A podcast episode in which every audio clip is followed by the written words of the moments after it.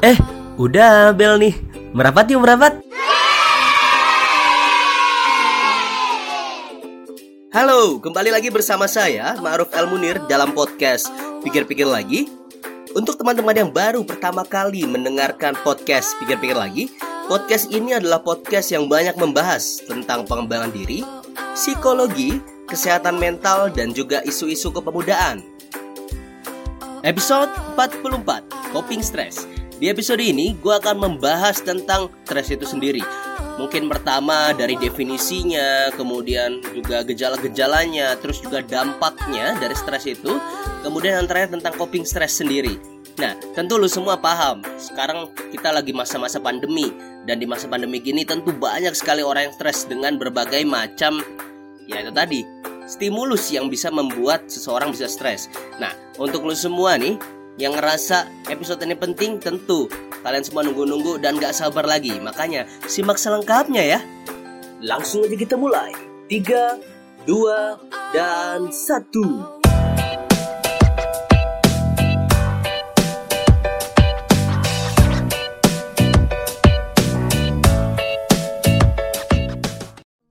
Oke, selamat pagi, siang, sore, malam, sobat pikir-pikir lagi di mana pun berada, kapan pun mendengarkan. Ya, Assalamualaikum warahmatullahi wabarakatuh. Di episode ini, seperti yang tadi udah gue jelasin di awal, ini mungkin adalah momen yang tepat, bisa dibilang gitu ya. Bagi gue ini adalah momen yang tepat karena kalau kita bicara tentang stres ini, memang kalau tadi gue sebutkan di mas, lagi masa pandemi, banyak banget seseorang itu punya kecenderungan stres. Banyak banget ya. Mungkin kalau dari gampangnya yang dari anak kecil mungkin. Yang dari anak kecil itu bisa stres gara-gara PJJ pembelajaran jarak jauh gitu ya. Pembelajaran jarak jauh karena biasanya ketemu teman akhirnya nggak ketemu teman gitu ya. Atau mungkin malah seneng. Ada juga mungkin ya ada yang stres tentu juga ada yang seneng. Seneng karena bisa main game terus megang HP terus mungkin ada aja. Nah terus kita kalau kita beranjak dewasa begitu juga SMP SMA gitu ya sama ya mungkin biasanya ada kegiatan-kegiatan asik di luar gitu. Terus akhirnya juga tidak ada kegiatan-kegiatan seperti itu ya. Biasanya kalau SMP SMA itu kan banyak praktek-praktek apa praktek ini praktek itu. Kemudian ada kegiatan apa barang-barang teman jadi ada mainnya. Kemudian pembelajaran jarak harus pembelajaran jarak jauh juga. Seakhirnya SMP SMA juga banyak yang stres tuh kemudian dari SMA naik ke kuliah naik ke kuliah. Ini ini ini fakta menarik sih ya. Fakta menarik mungkin lulus semua juga tahu. Mungkin atau mungkin di pendengar gue ada yang yang punya kasus seperti ini. Jadi gue kemarin ada ketemu teman yang ternyata dia itu sudah berkuliah padahal belum pernah ke kampus. Ya jadi kemarin gue ada acara di Bandung. Pas gue ada, ada acara di Bandung gue bilang sibuk apa lu? Ini kak apa namanya kuliah online ah kuliah online. Emang udah kuliah? Iya semester berapa? Semester 1 kemudian eh gua tanya tuh gua tanya kuliah di mana cuy? Kuliah di isi Jogja. Hah? Isi Jogja? Iya bener isi Jogja. Kalau di sini? Emang ya emang lu nggak nggak ada ke kampus sama sekali? Belum ada kak. Oh gitu. Terus dia terus gue tanya lagi berarti lu belum pernah ke Jogja? Belum pernah sama sekali cuy ini ini jadi fakta menarik gitu ya. Ternyata memang di masa sekarang ada mahasiswa-mahasiswa baru yang nggak pernah sama sekali ke kampus gitu ya. Walaupun sebenarnya di berita banyak. Cuma karena gue menemukan langsung di hadapan gue jadi gue ngerasa unik banget gitu ya. Kalau ada mahasiswa baru yang ternyata belum pernah ke kampus. Tentu agak gimana gitu rasanya ya. Membedakan apalagi belum merasakan pengenalan kata mahasiswa kemudian belum merasakan ada orientasi mahasiswanya gitu ya. Ah banyak hal lah. Itu itu juga dialami gitu ya. Bahkan mahasiswa-mahasiswa tuh yang gue lihat juga banyak yang stres karena masalah perkuliahan dan juga skripsi. Kalau masa perkuliahan gara-gara harus ada praktek sana kemari ke laboratorium karena kampusnya di apa di lockdown mungkin ya kampusnya ya. Jadi nggak bisa ke kampus. Akhirnya kita pembelajarannya fokus teori teori teori. Prakteknya diakhirkan yang sebenarnya kita juga nggak tahu akhirnya sampai kapan akhir penantiannya sampai kapan. Kemudian juga sama yang termasuk yang teman-teman gue gitu ya yang lagi skripsi itu aduh gue bilang kasihan juga sih kemarin sampai ada beberapa yang tuh kak minta tolong dong kak cariin subjek penelitian yang karakternya seperti ini. Itu ada beberapa yang sampai minta tolong gue gue karena gue tahu mencari ya mencari subjek penelitian itu udah sulit tambah lagi harus menghadapi uh, lagi masa pandemi gini banyak kontak yang dibatasi. Nah tapi ya tuh tadi jadi memang banyak sekali ya hal-hal yang bisa membuat kita stres stresornya banyak sekali. Itu mungkin untuk orang yang skripsi. Kita kalau kita beranjak lagi orang yang lulus orang yang baru lulus nah ini tambah ngeri lagi nih. Tambah ngeri lagi karena ada teman-teman kita gitu ya mungkin yang baru lulus kemudian sekarang sekarang belum bekerja mengharapkannya bisa langsung bekerja tapi karena lagi di masa seperti ini kita tahu Indonesia lagi mengalami beberapa krisis gitu ya termasuk ekonomi nah di mana dampaknya kan lumayan besar tuh mulai dari penyerapan tenaga kerja, mulai dari banyak PHK dan segala macamnya. Sampai gue lihat akhir-akhir ini banyak juga meme-meme yang keluar terkait dengan fresh graduate. Ada gitu ya tulisan gue lihat di mana gitu di di meme di Twitter kayaknya terkait dengan uh, dicari atau dibutuhkan gitu ya. Fresh graduate dipersilahkan apply. Kemudian bawah-bawahnya ada tulisan minimal pengalaman tiga tahun kerja. Gue kira awalnya itu beneran apa meme aja. Pas gue telusuri banget ternyata memang ada yang seperti itu. Gimana ceritanya? Seorang fresh graduate punya pengalaman tiga tahun coy. Itu kalau kalau emang bener ada yang kayak gitu itu kan berarti kuliahnya nggak mungkin tiga setengah tahun ya yang kuliahnya cep yang kalau kuliahnya kuliah cepat mungkin kalau kuliahnya apa namanya eh, jatahnya jatah kuliahnya dilengkapin gitu ya full sampai semester berapa? Uh, eh, 12 ya kuliah itu ya. Kemudian ditambah cuti satu tahun. Oke, itu bisa lah mungkin punya pengalaman tiga tahun bekerja. Tapi faktanya kan sangat jarang punya orang-orang yang seperti itu. Nah ini memang ada banyak sekali agak keanehan-keanehan seperti ini. Tapi ini bukan hanya sekedar apa uh, candaan, tapi memang ada real yang seperti itu yang memang itu nanti jadi tantangan besar lah buat kita. Mungkin kalau terkait dengan pengembangan diri mahasiswa, terutama kita kita yang ingin mengembangkan diri di masa pandemi nanti gue bahas di episode lainnya. Nah, selanjutnya kalau kita beranjak lagi untuk orang-orang yang sedang bekerja. Nah, kalau orang-orang yang bekerja ini tentu sangat beragam ya. Beragam ya. Tadi mungkin emang ada yang stres karena di PHK karena gajinya dikurangin atau mungkin karena secara orderannya kurang. Dia terus ya banyak hal. Coba ada hal yang menarik lagi. Ternyata ada juga orang-orang yang stres kerja. Dalam arti karena karena lagi masa pandemi gitu ya nggak bisa ketemu kemudian harus bekerja dari rumah. Ketika bekerja dari rumah karena kerjaannya banyak dan tidak ada ketemu mungkin bahasanya apa ya? Mungkin sedikit mengurangi efektivitas dari pekerjaan. Sampai akhirnya mungkin sebuah pekerjaan yang bisa selesai dalam waktu satu jam dua jam ketika ketemu langsung tapi ketika tidak ketemu atau mungkin secara virtual durasinya sedikit lebih panjang gitu ya. Mungkin lebih panjang satu jam itu sudah syukur-syukur. Tapi bisa jadi lebih panjang dua jam tiga jam karena berkaitan dengan banyak hal gitu ya. Faktor-faktornya tentu banyak banget. Ini teman-teman yang pekerja pasti paham banget nih terkait ini.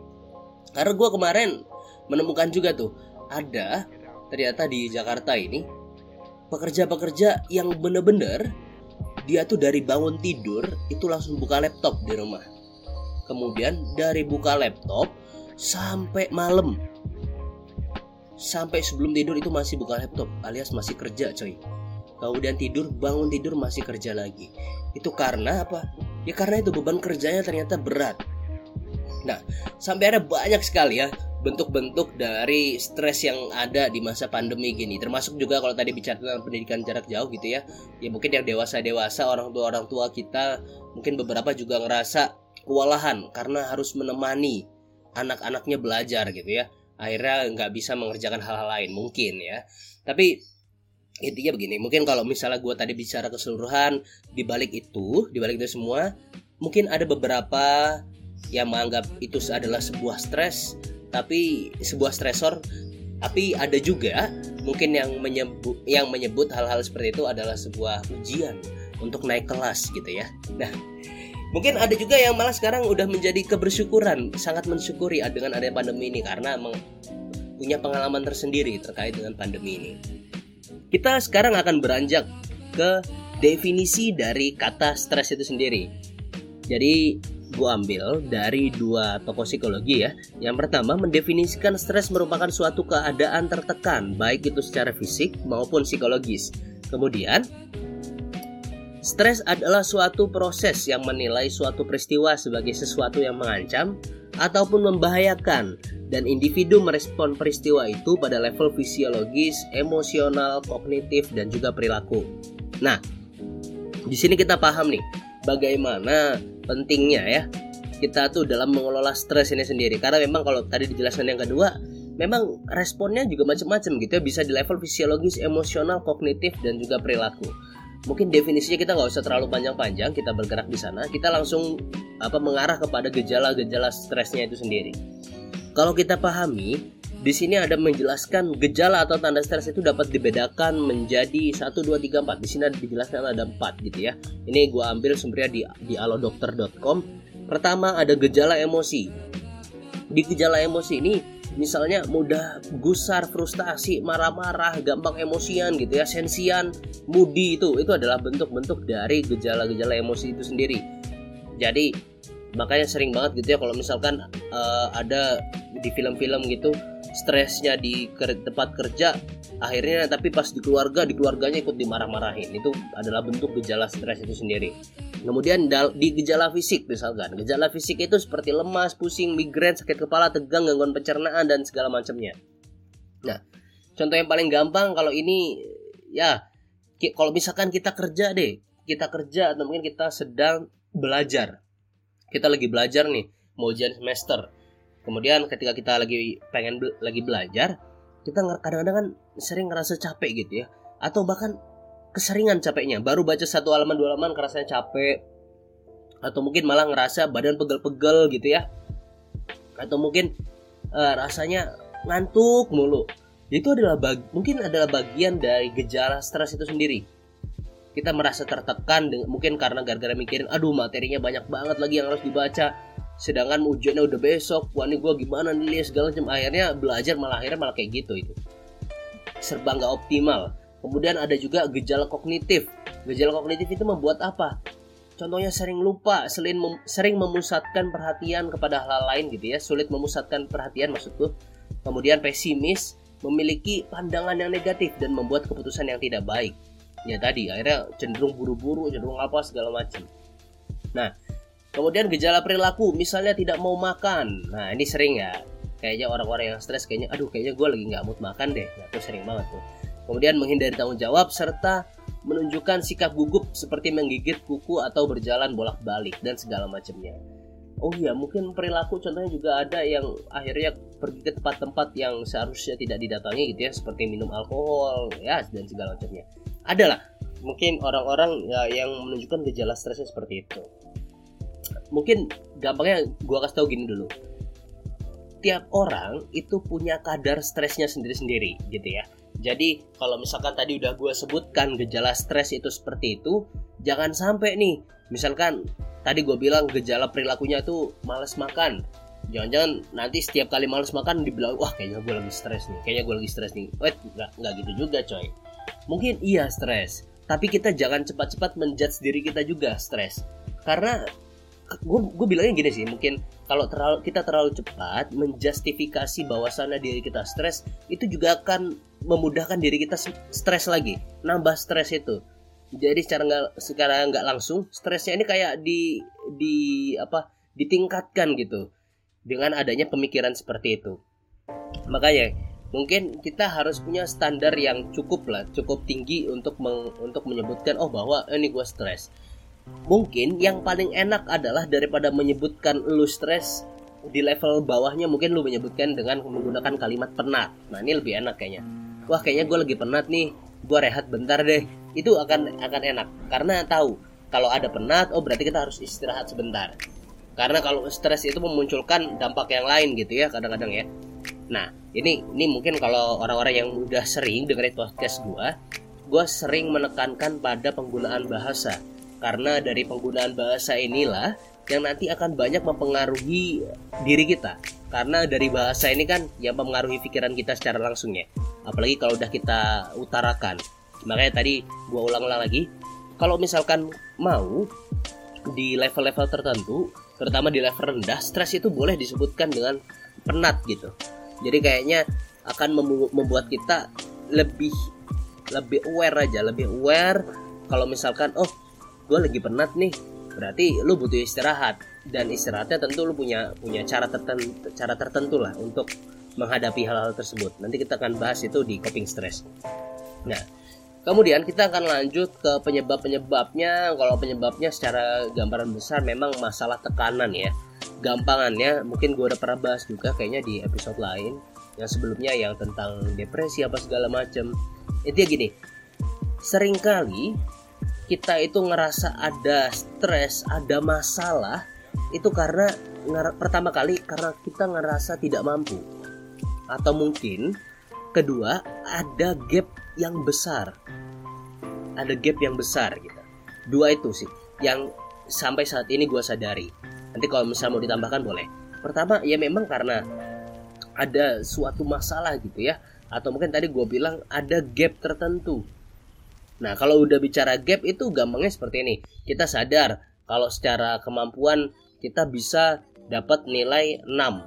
Tapi ternyata targetnya tuh 9. Nah, dari situ kan kita paham, wah, targetnya 9 lagi. Sedangkan misalkan ujiannya besok, gue masih masih ada masih ada 10 bab lagi yang belum gue baca. Nah akhirnya dari situ kan kita tahu tuh, aduh mampu gak ya gue? Akhirnya terpikir hal-hal yang tidak membuat kita tidak mampu. Atau ya tadi ada gap, gapnya terlalu besar.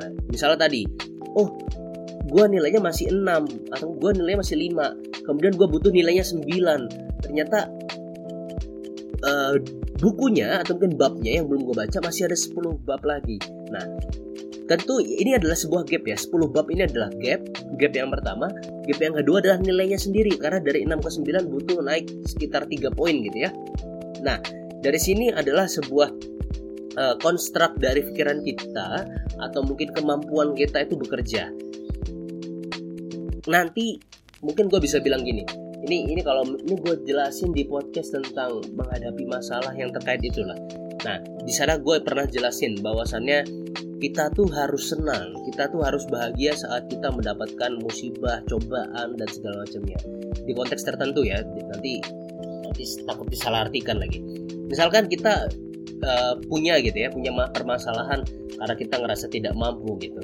Anggaplah sekarang kemampuan kita di angka 5. Kemudian yang harus kita capai itu di angka 7. Atau mungkin di angka 9. Kita targetnya 9 nih kita sekarang tahu komposisi diri kita kemampuan kita di angka 5 kemudian target kita di 9 ada gap yang cukup besar yaitu sekitar 4 kita harus naik 4 untuk mencapai angka 9 dari situ kita paham oh ada tekanan ya akhirnya membuat kita stres. Nah tapi di sisi lain kita juga harus mengingat bahwasannya ketika kita bisa melampaui sebuah permasalahan atau mungkin tekanan ini kita akan paham kok suatu saat nanti ketika ada stresor lain yang datang yang mungkin dengan kondisi atau mungkin situasi stresornya yang tidak lebih besar daripada stresor yang pernah kita lalui di masa lalu kita pasti akan merasa stresor ini oh bisa kita lewati nih. Akhirnya apa? Akhirnya mungkin dulu yang kita sebut sebagai stresor sekarang sudah bukan stresor lagi. Hanya sebagai dinamika kehidupan aja gitu. Ya itu itu adalah sebuah inilah sebuah contoh gampang ya. Makanya kalau misalnya di awal gitu ya kalau mungkin kalau kita lagi SMP SMA gitu terus tiba-tiba kita ngompol di kelas itu kan rasanya stres banget gitu ya. Stres banget atau mungkin apa segala macamnya kemudian semakin dewasa ketika kita sudah mau ngompol kita tahu nih berbagai caranya untuk melewati itu. Mulai dari misalkan harus ke kamar mandi darurat atau mungkin harus apa buang air kecilnya di mana atau mungkin dengan media apa yang seadanya di botol atau di mana. Sampai akhirnya ya udah nanti yang dulunya adalah sebuah stresor ya sekarang biasa aja gitu. Mungkin ketika bayi mungkin ketika kecil banget balita itu kan sering stres. Kalau misalnya dibilangin oh ini ayahku bukan ayahmu. Itu stres makanya dia nangis gitu ya oh kata siapa tuh? Ayahku nunggu nangis anaknya. Itu adalah bagian stresnya ketika di masa itu. Nah itu dia mak maksudnya yang gue bilang. Jadi di fase-fase tertentu dalam kehidupan kita harus sadari ya tetap ada tuh step by stepnya. Terutama di di level ini stressor stressor ini. Sama di level yang ta, yang tadi gue bilang. Kalau misalnya di ranah pekerjaan gitu ya mungkin di level officer. Di level officer atau mungkin di level staff.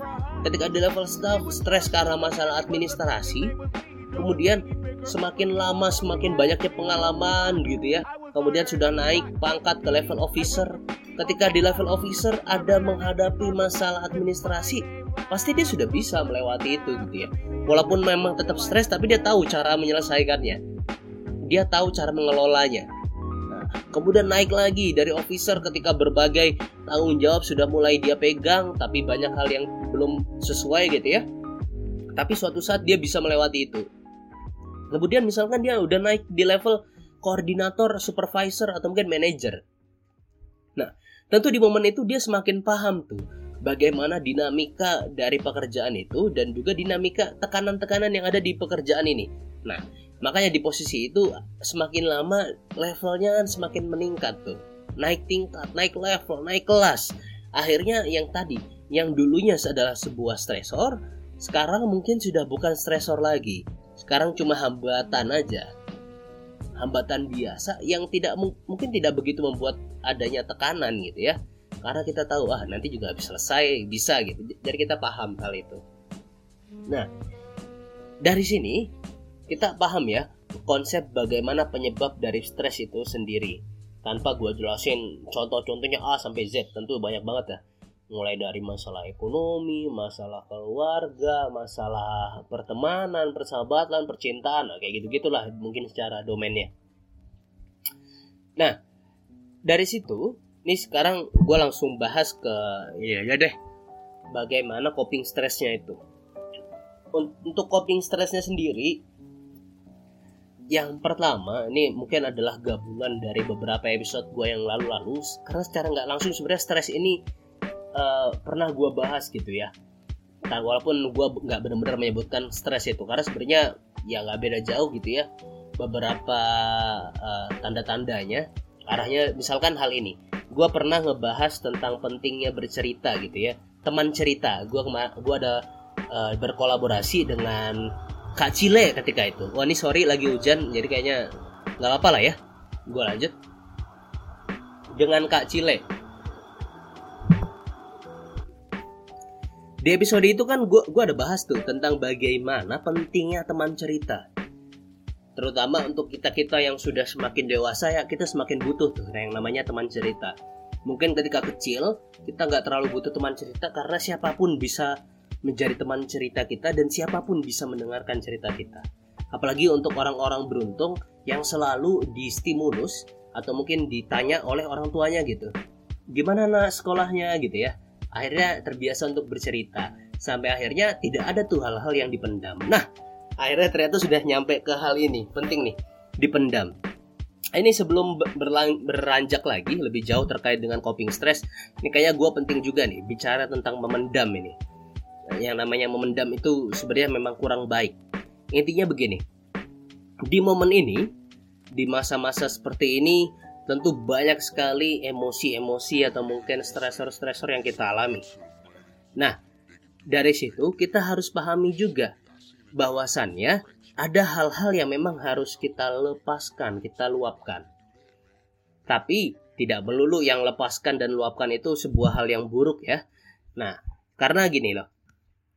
Anggaplah seperti ini kalau kita sedang mengalami suatu masalah, suatu stressor yang mungkin membuat kita ngerasa punya tekanan yang luar biasa gitu ya, dari mana pun mungkin dari keluarga, dari secara ekonomi atau mungkin secara pekerjaan dan segala macamnya, gue bilang kita butuh teman cerita. Kenapa kita butuh? Pertama, itu ya supaya tidak ada emosi yang terpendam dalam diri kita. Karena kalau ada emosi yang terpendam, suatu saat emosi itu lama-lama ya itu tadi sedikit demi sedikit lama-lama menjadi bukit. Nah kalau udah menjadi bukit itu bukan sekedar bukit biasanya bisa menjadi gunung berapi.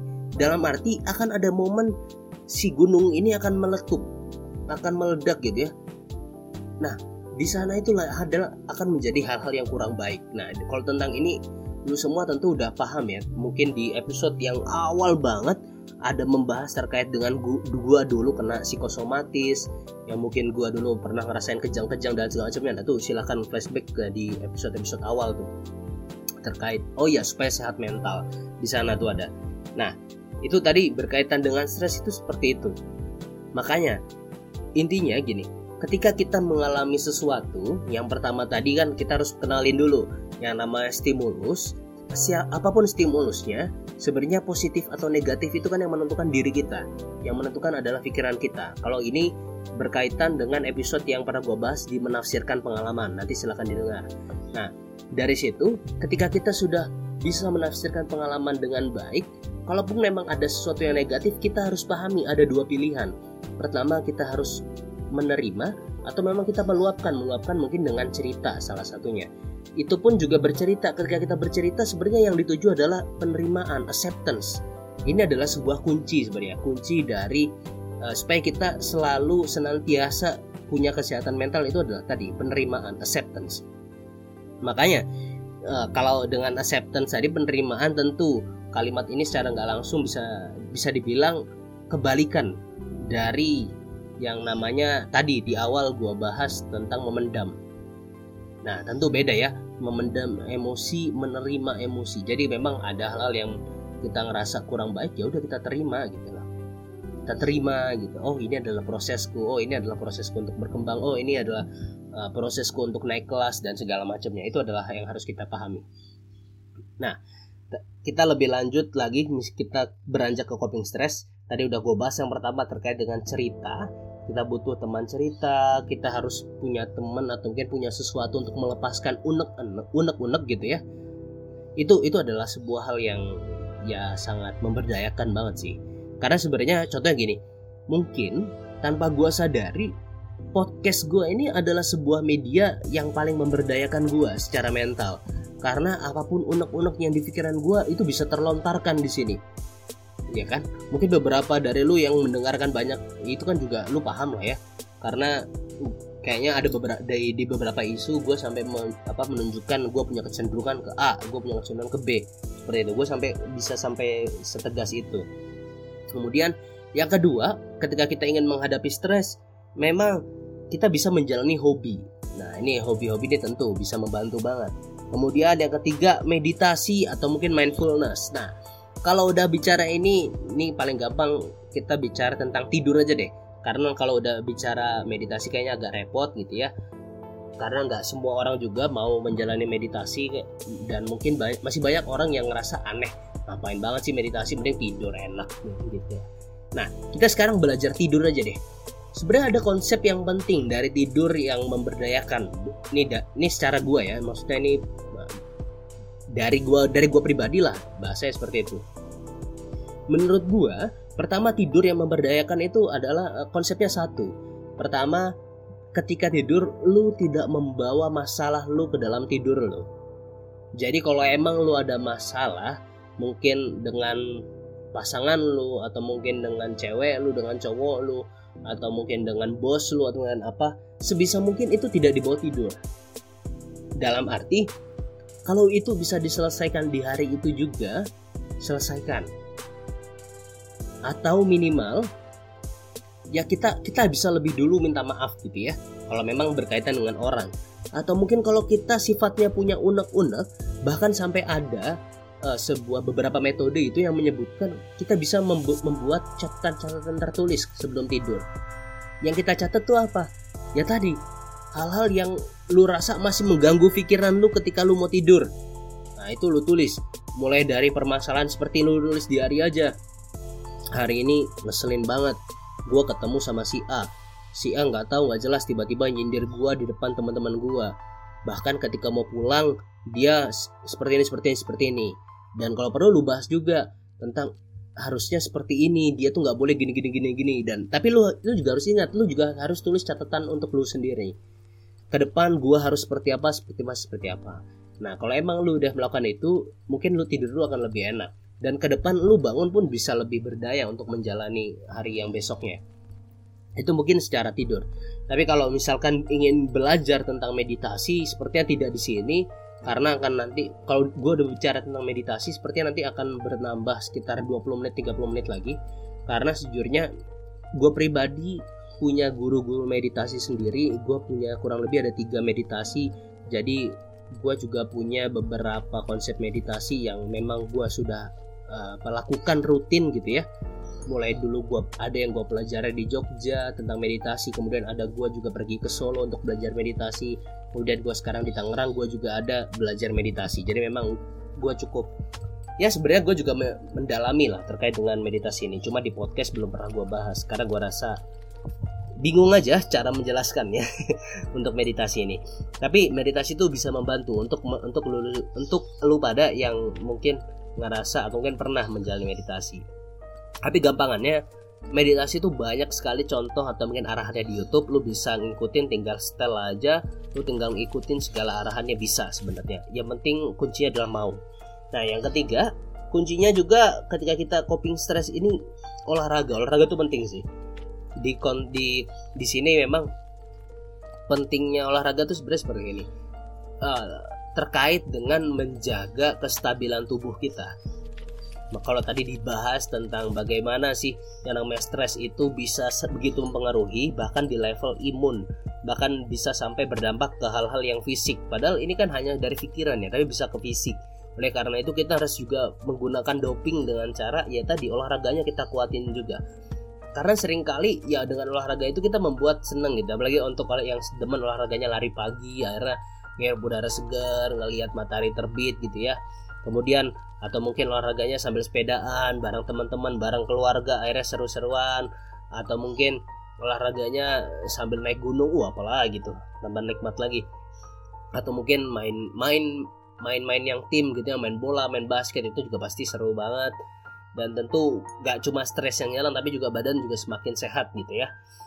Nah itu mungkin adalah gambaran-gambaran dari uh, coping stress Cuma nih terakhir, nih nih yang terakhir di episode ini yang pengen gue bahas adalah sebenarnya ada konsep-konsep lain dalam coping stress yang ingin gue kenalkan adalah ya tadi yang pertama yang di di sebelumnya gue pernah bahas di episode sebelumnya gue pernah bahas tentang berdamai dengan diri. Nah, di berdamai dengan diri di situ kan adalah sebuah proses bagaimana kita menyelami diri kita.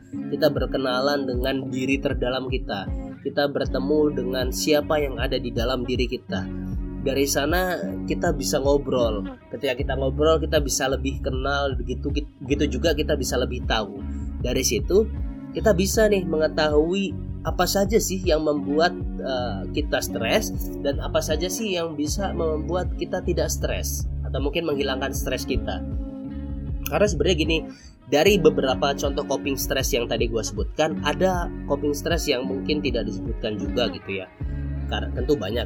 Misalkan contohnya adalah jalan-jalan. Ini tidak disebutkan di contoh gua yang tadi.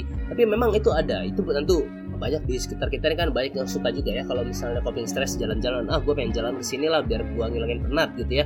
Ngilangin stres ah stres gue gue mau liburan lah. Kan banyak juga yang mengeluarkan kalimat atau statement seperti itu.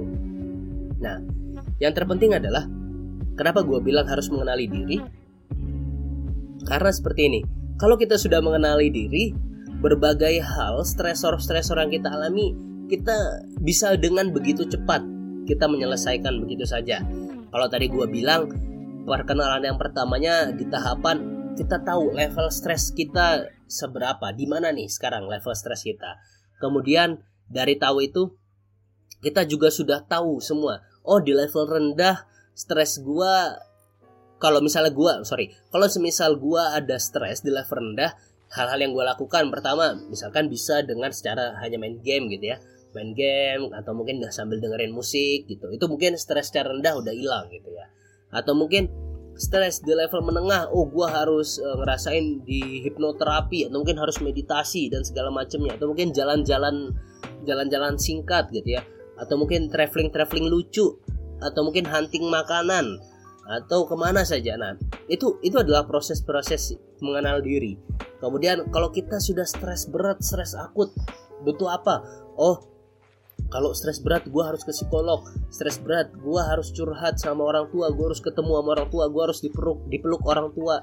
Gue harus nah misalkan seperti itu. Itu adalah uh, sebuah tahapan-tahapan yang memang kita buat sendiri dalam rangka kita mengenal diri tuh nanti lu pasti lu sendiri deh yang akan pertama kali merasakan dampaknya. Kalau misalkan lu sudah mengenali dan juga berdamai dengan diri itu adalah konsep uh, dari banyak hal sih. Makanya memang uh, konsep mengenal diri ini di ajaran agama itu kan nggak ada habisnya ya. Sampai sekarang itu kalau udah kita bicara tentang mengenali diri mengenali diri tuh nggak ada batasannya. Kalau kita ngerasa kenal justru itu adalah tanda bahwasannya ya itu tadi pasti kita kenal diri kita akan terbatas seperti yang kita sudah pahami. Padahal sebenarnya manusia itu lebih dari itu. Lebih dari itu. Nanti pasti akan ada saatnya lu menemukan sendirilah jawabannya. Nah, oke, okay. di episode ini gue cukup panjang membahas tentang stres. Semoga bisa membantu lulu semua. Sobat pikir-pikir lagi yang mungkin akhir-akhir ini sering merasakan stres atau mungkin hanya sekedar apa mungkin karena ada juga sih beberapa pendengar gue terima kasih pendengar pendengar setia gue walaupun memang apa belum cukup banyak tapi gue sangat respect sama lo semua di tahun ini. Kalau gue lihat ya gue lihat di tahun ini tuh gue hanya menciptakan atau mungkin gue hanya rekaman 9 kali. Itu hal yang paling pertama gue sesali ya di sela, di berbagai kesalahan gua gitu ya. Berarti kalau sekarang udah 44 44 kurang 9 ya itu tadi. Berarti sebenarnya gua nggak hanya sedikit banget ya. Nggak sampai 10 loh di, di tahun ini. Padahal di tahun lalu bisa sampai 30-an gitu. Nah ya semoga nih gue mohon doanya di episode yang akan datang atau mungkin di tahun depan gue bisa lebih rajin. Ya minimal minimalnya sebulan sekali. Harapan gue sih tetap sebulan dua kali gitu ya. Dan mungkin nanti supaya gue semakin semangat juga kalau semisal lu semua ada yang ingin memberikan uh, masukan terkait dengan podcast ini atau mungkin pengen ngasih saran terkait podcast ini silahkan nanti lewat DM DM Instagram gue aja di Maruf Elmunir atau mungkin untuk teman-teman yang suka dengan konten ini jangan lupa untuk share di Instagram atau mungkin bisa share 2020 rap. Nah, itu rapnya siapa tahu ada podcast gua di list itu. Jadi nanti silakan tag gua. Semoga nanti ke depan kita semua bisa bertemu secara langsung. Jaga kesehatannya semua. Semoga pandemi ini segera berlalu. Gua tutup pokoknya. Terima kasih sekali lagi. Wassalamualaikum warahmatullahi wabarakatuh. Kita akan bertemu di podcast Pikir-pikir lagi episode selanjutnya. Dadah!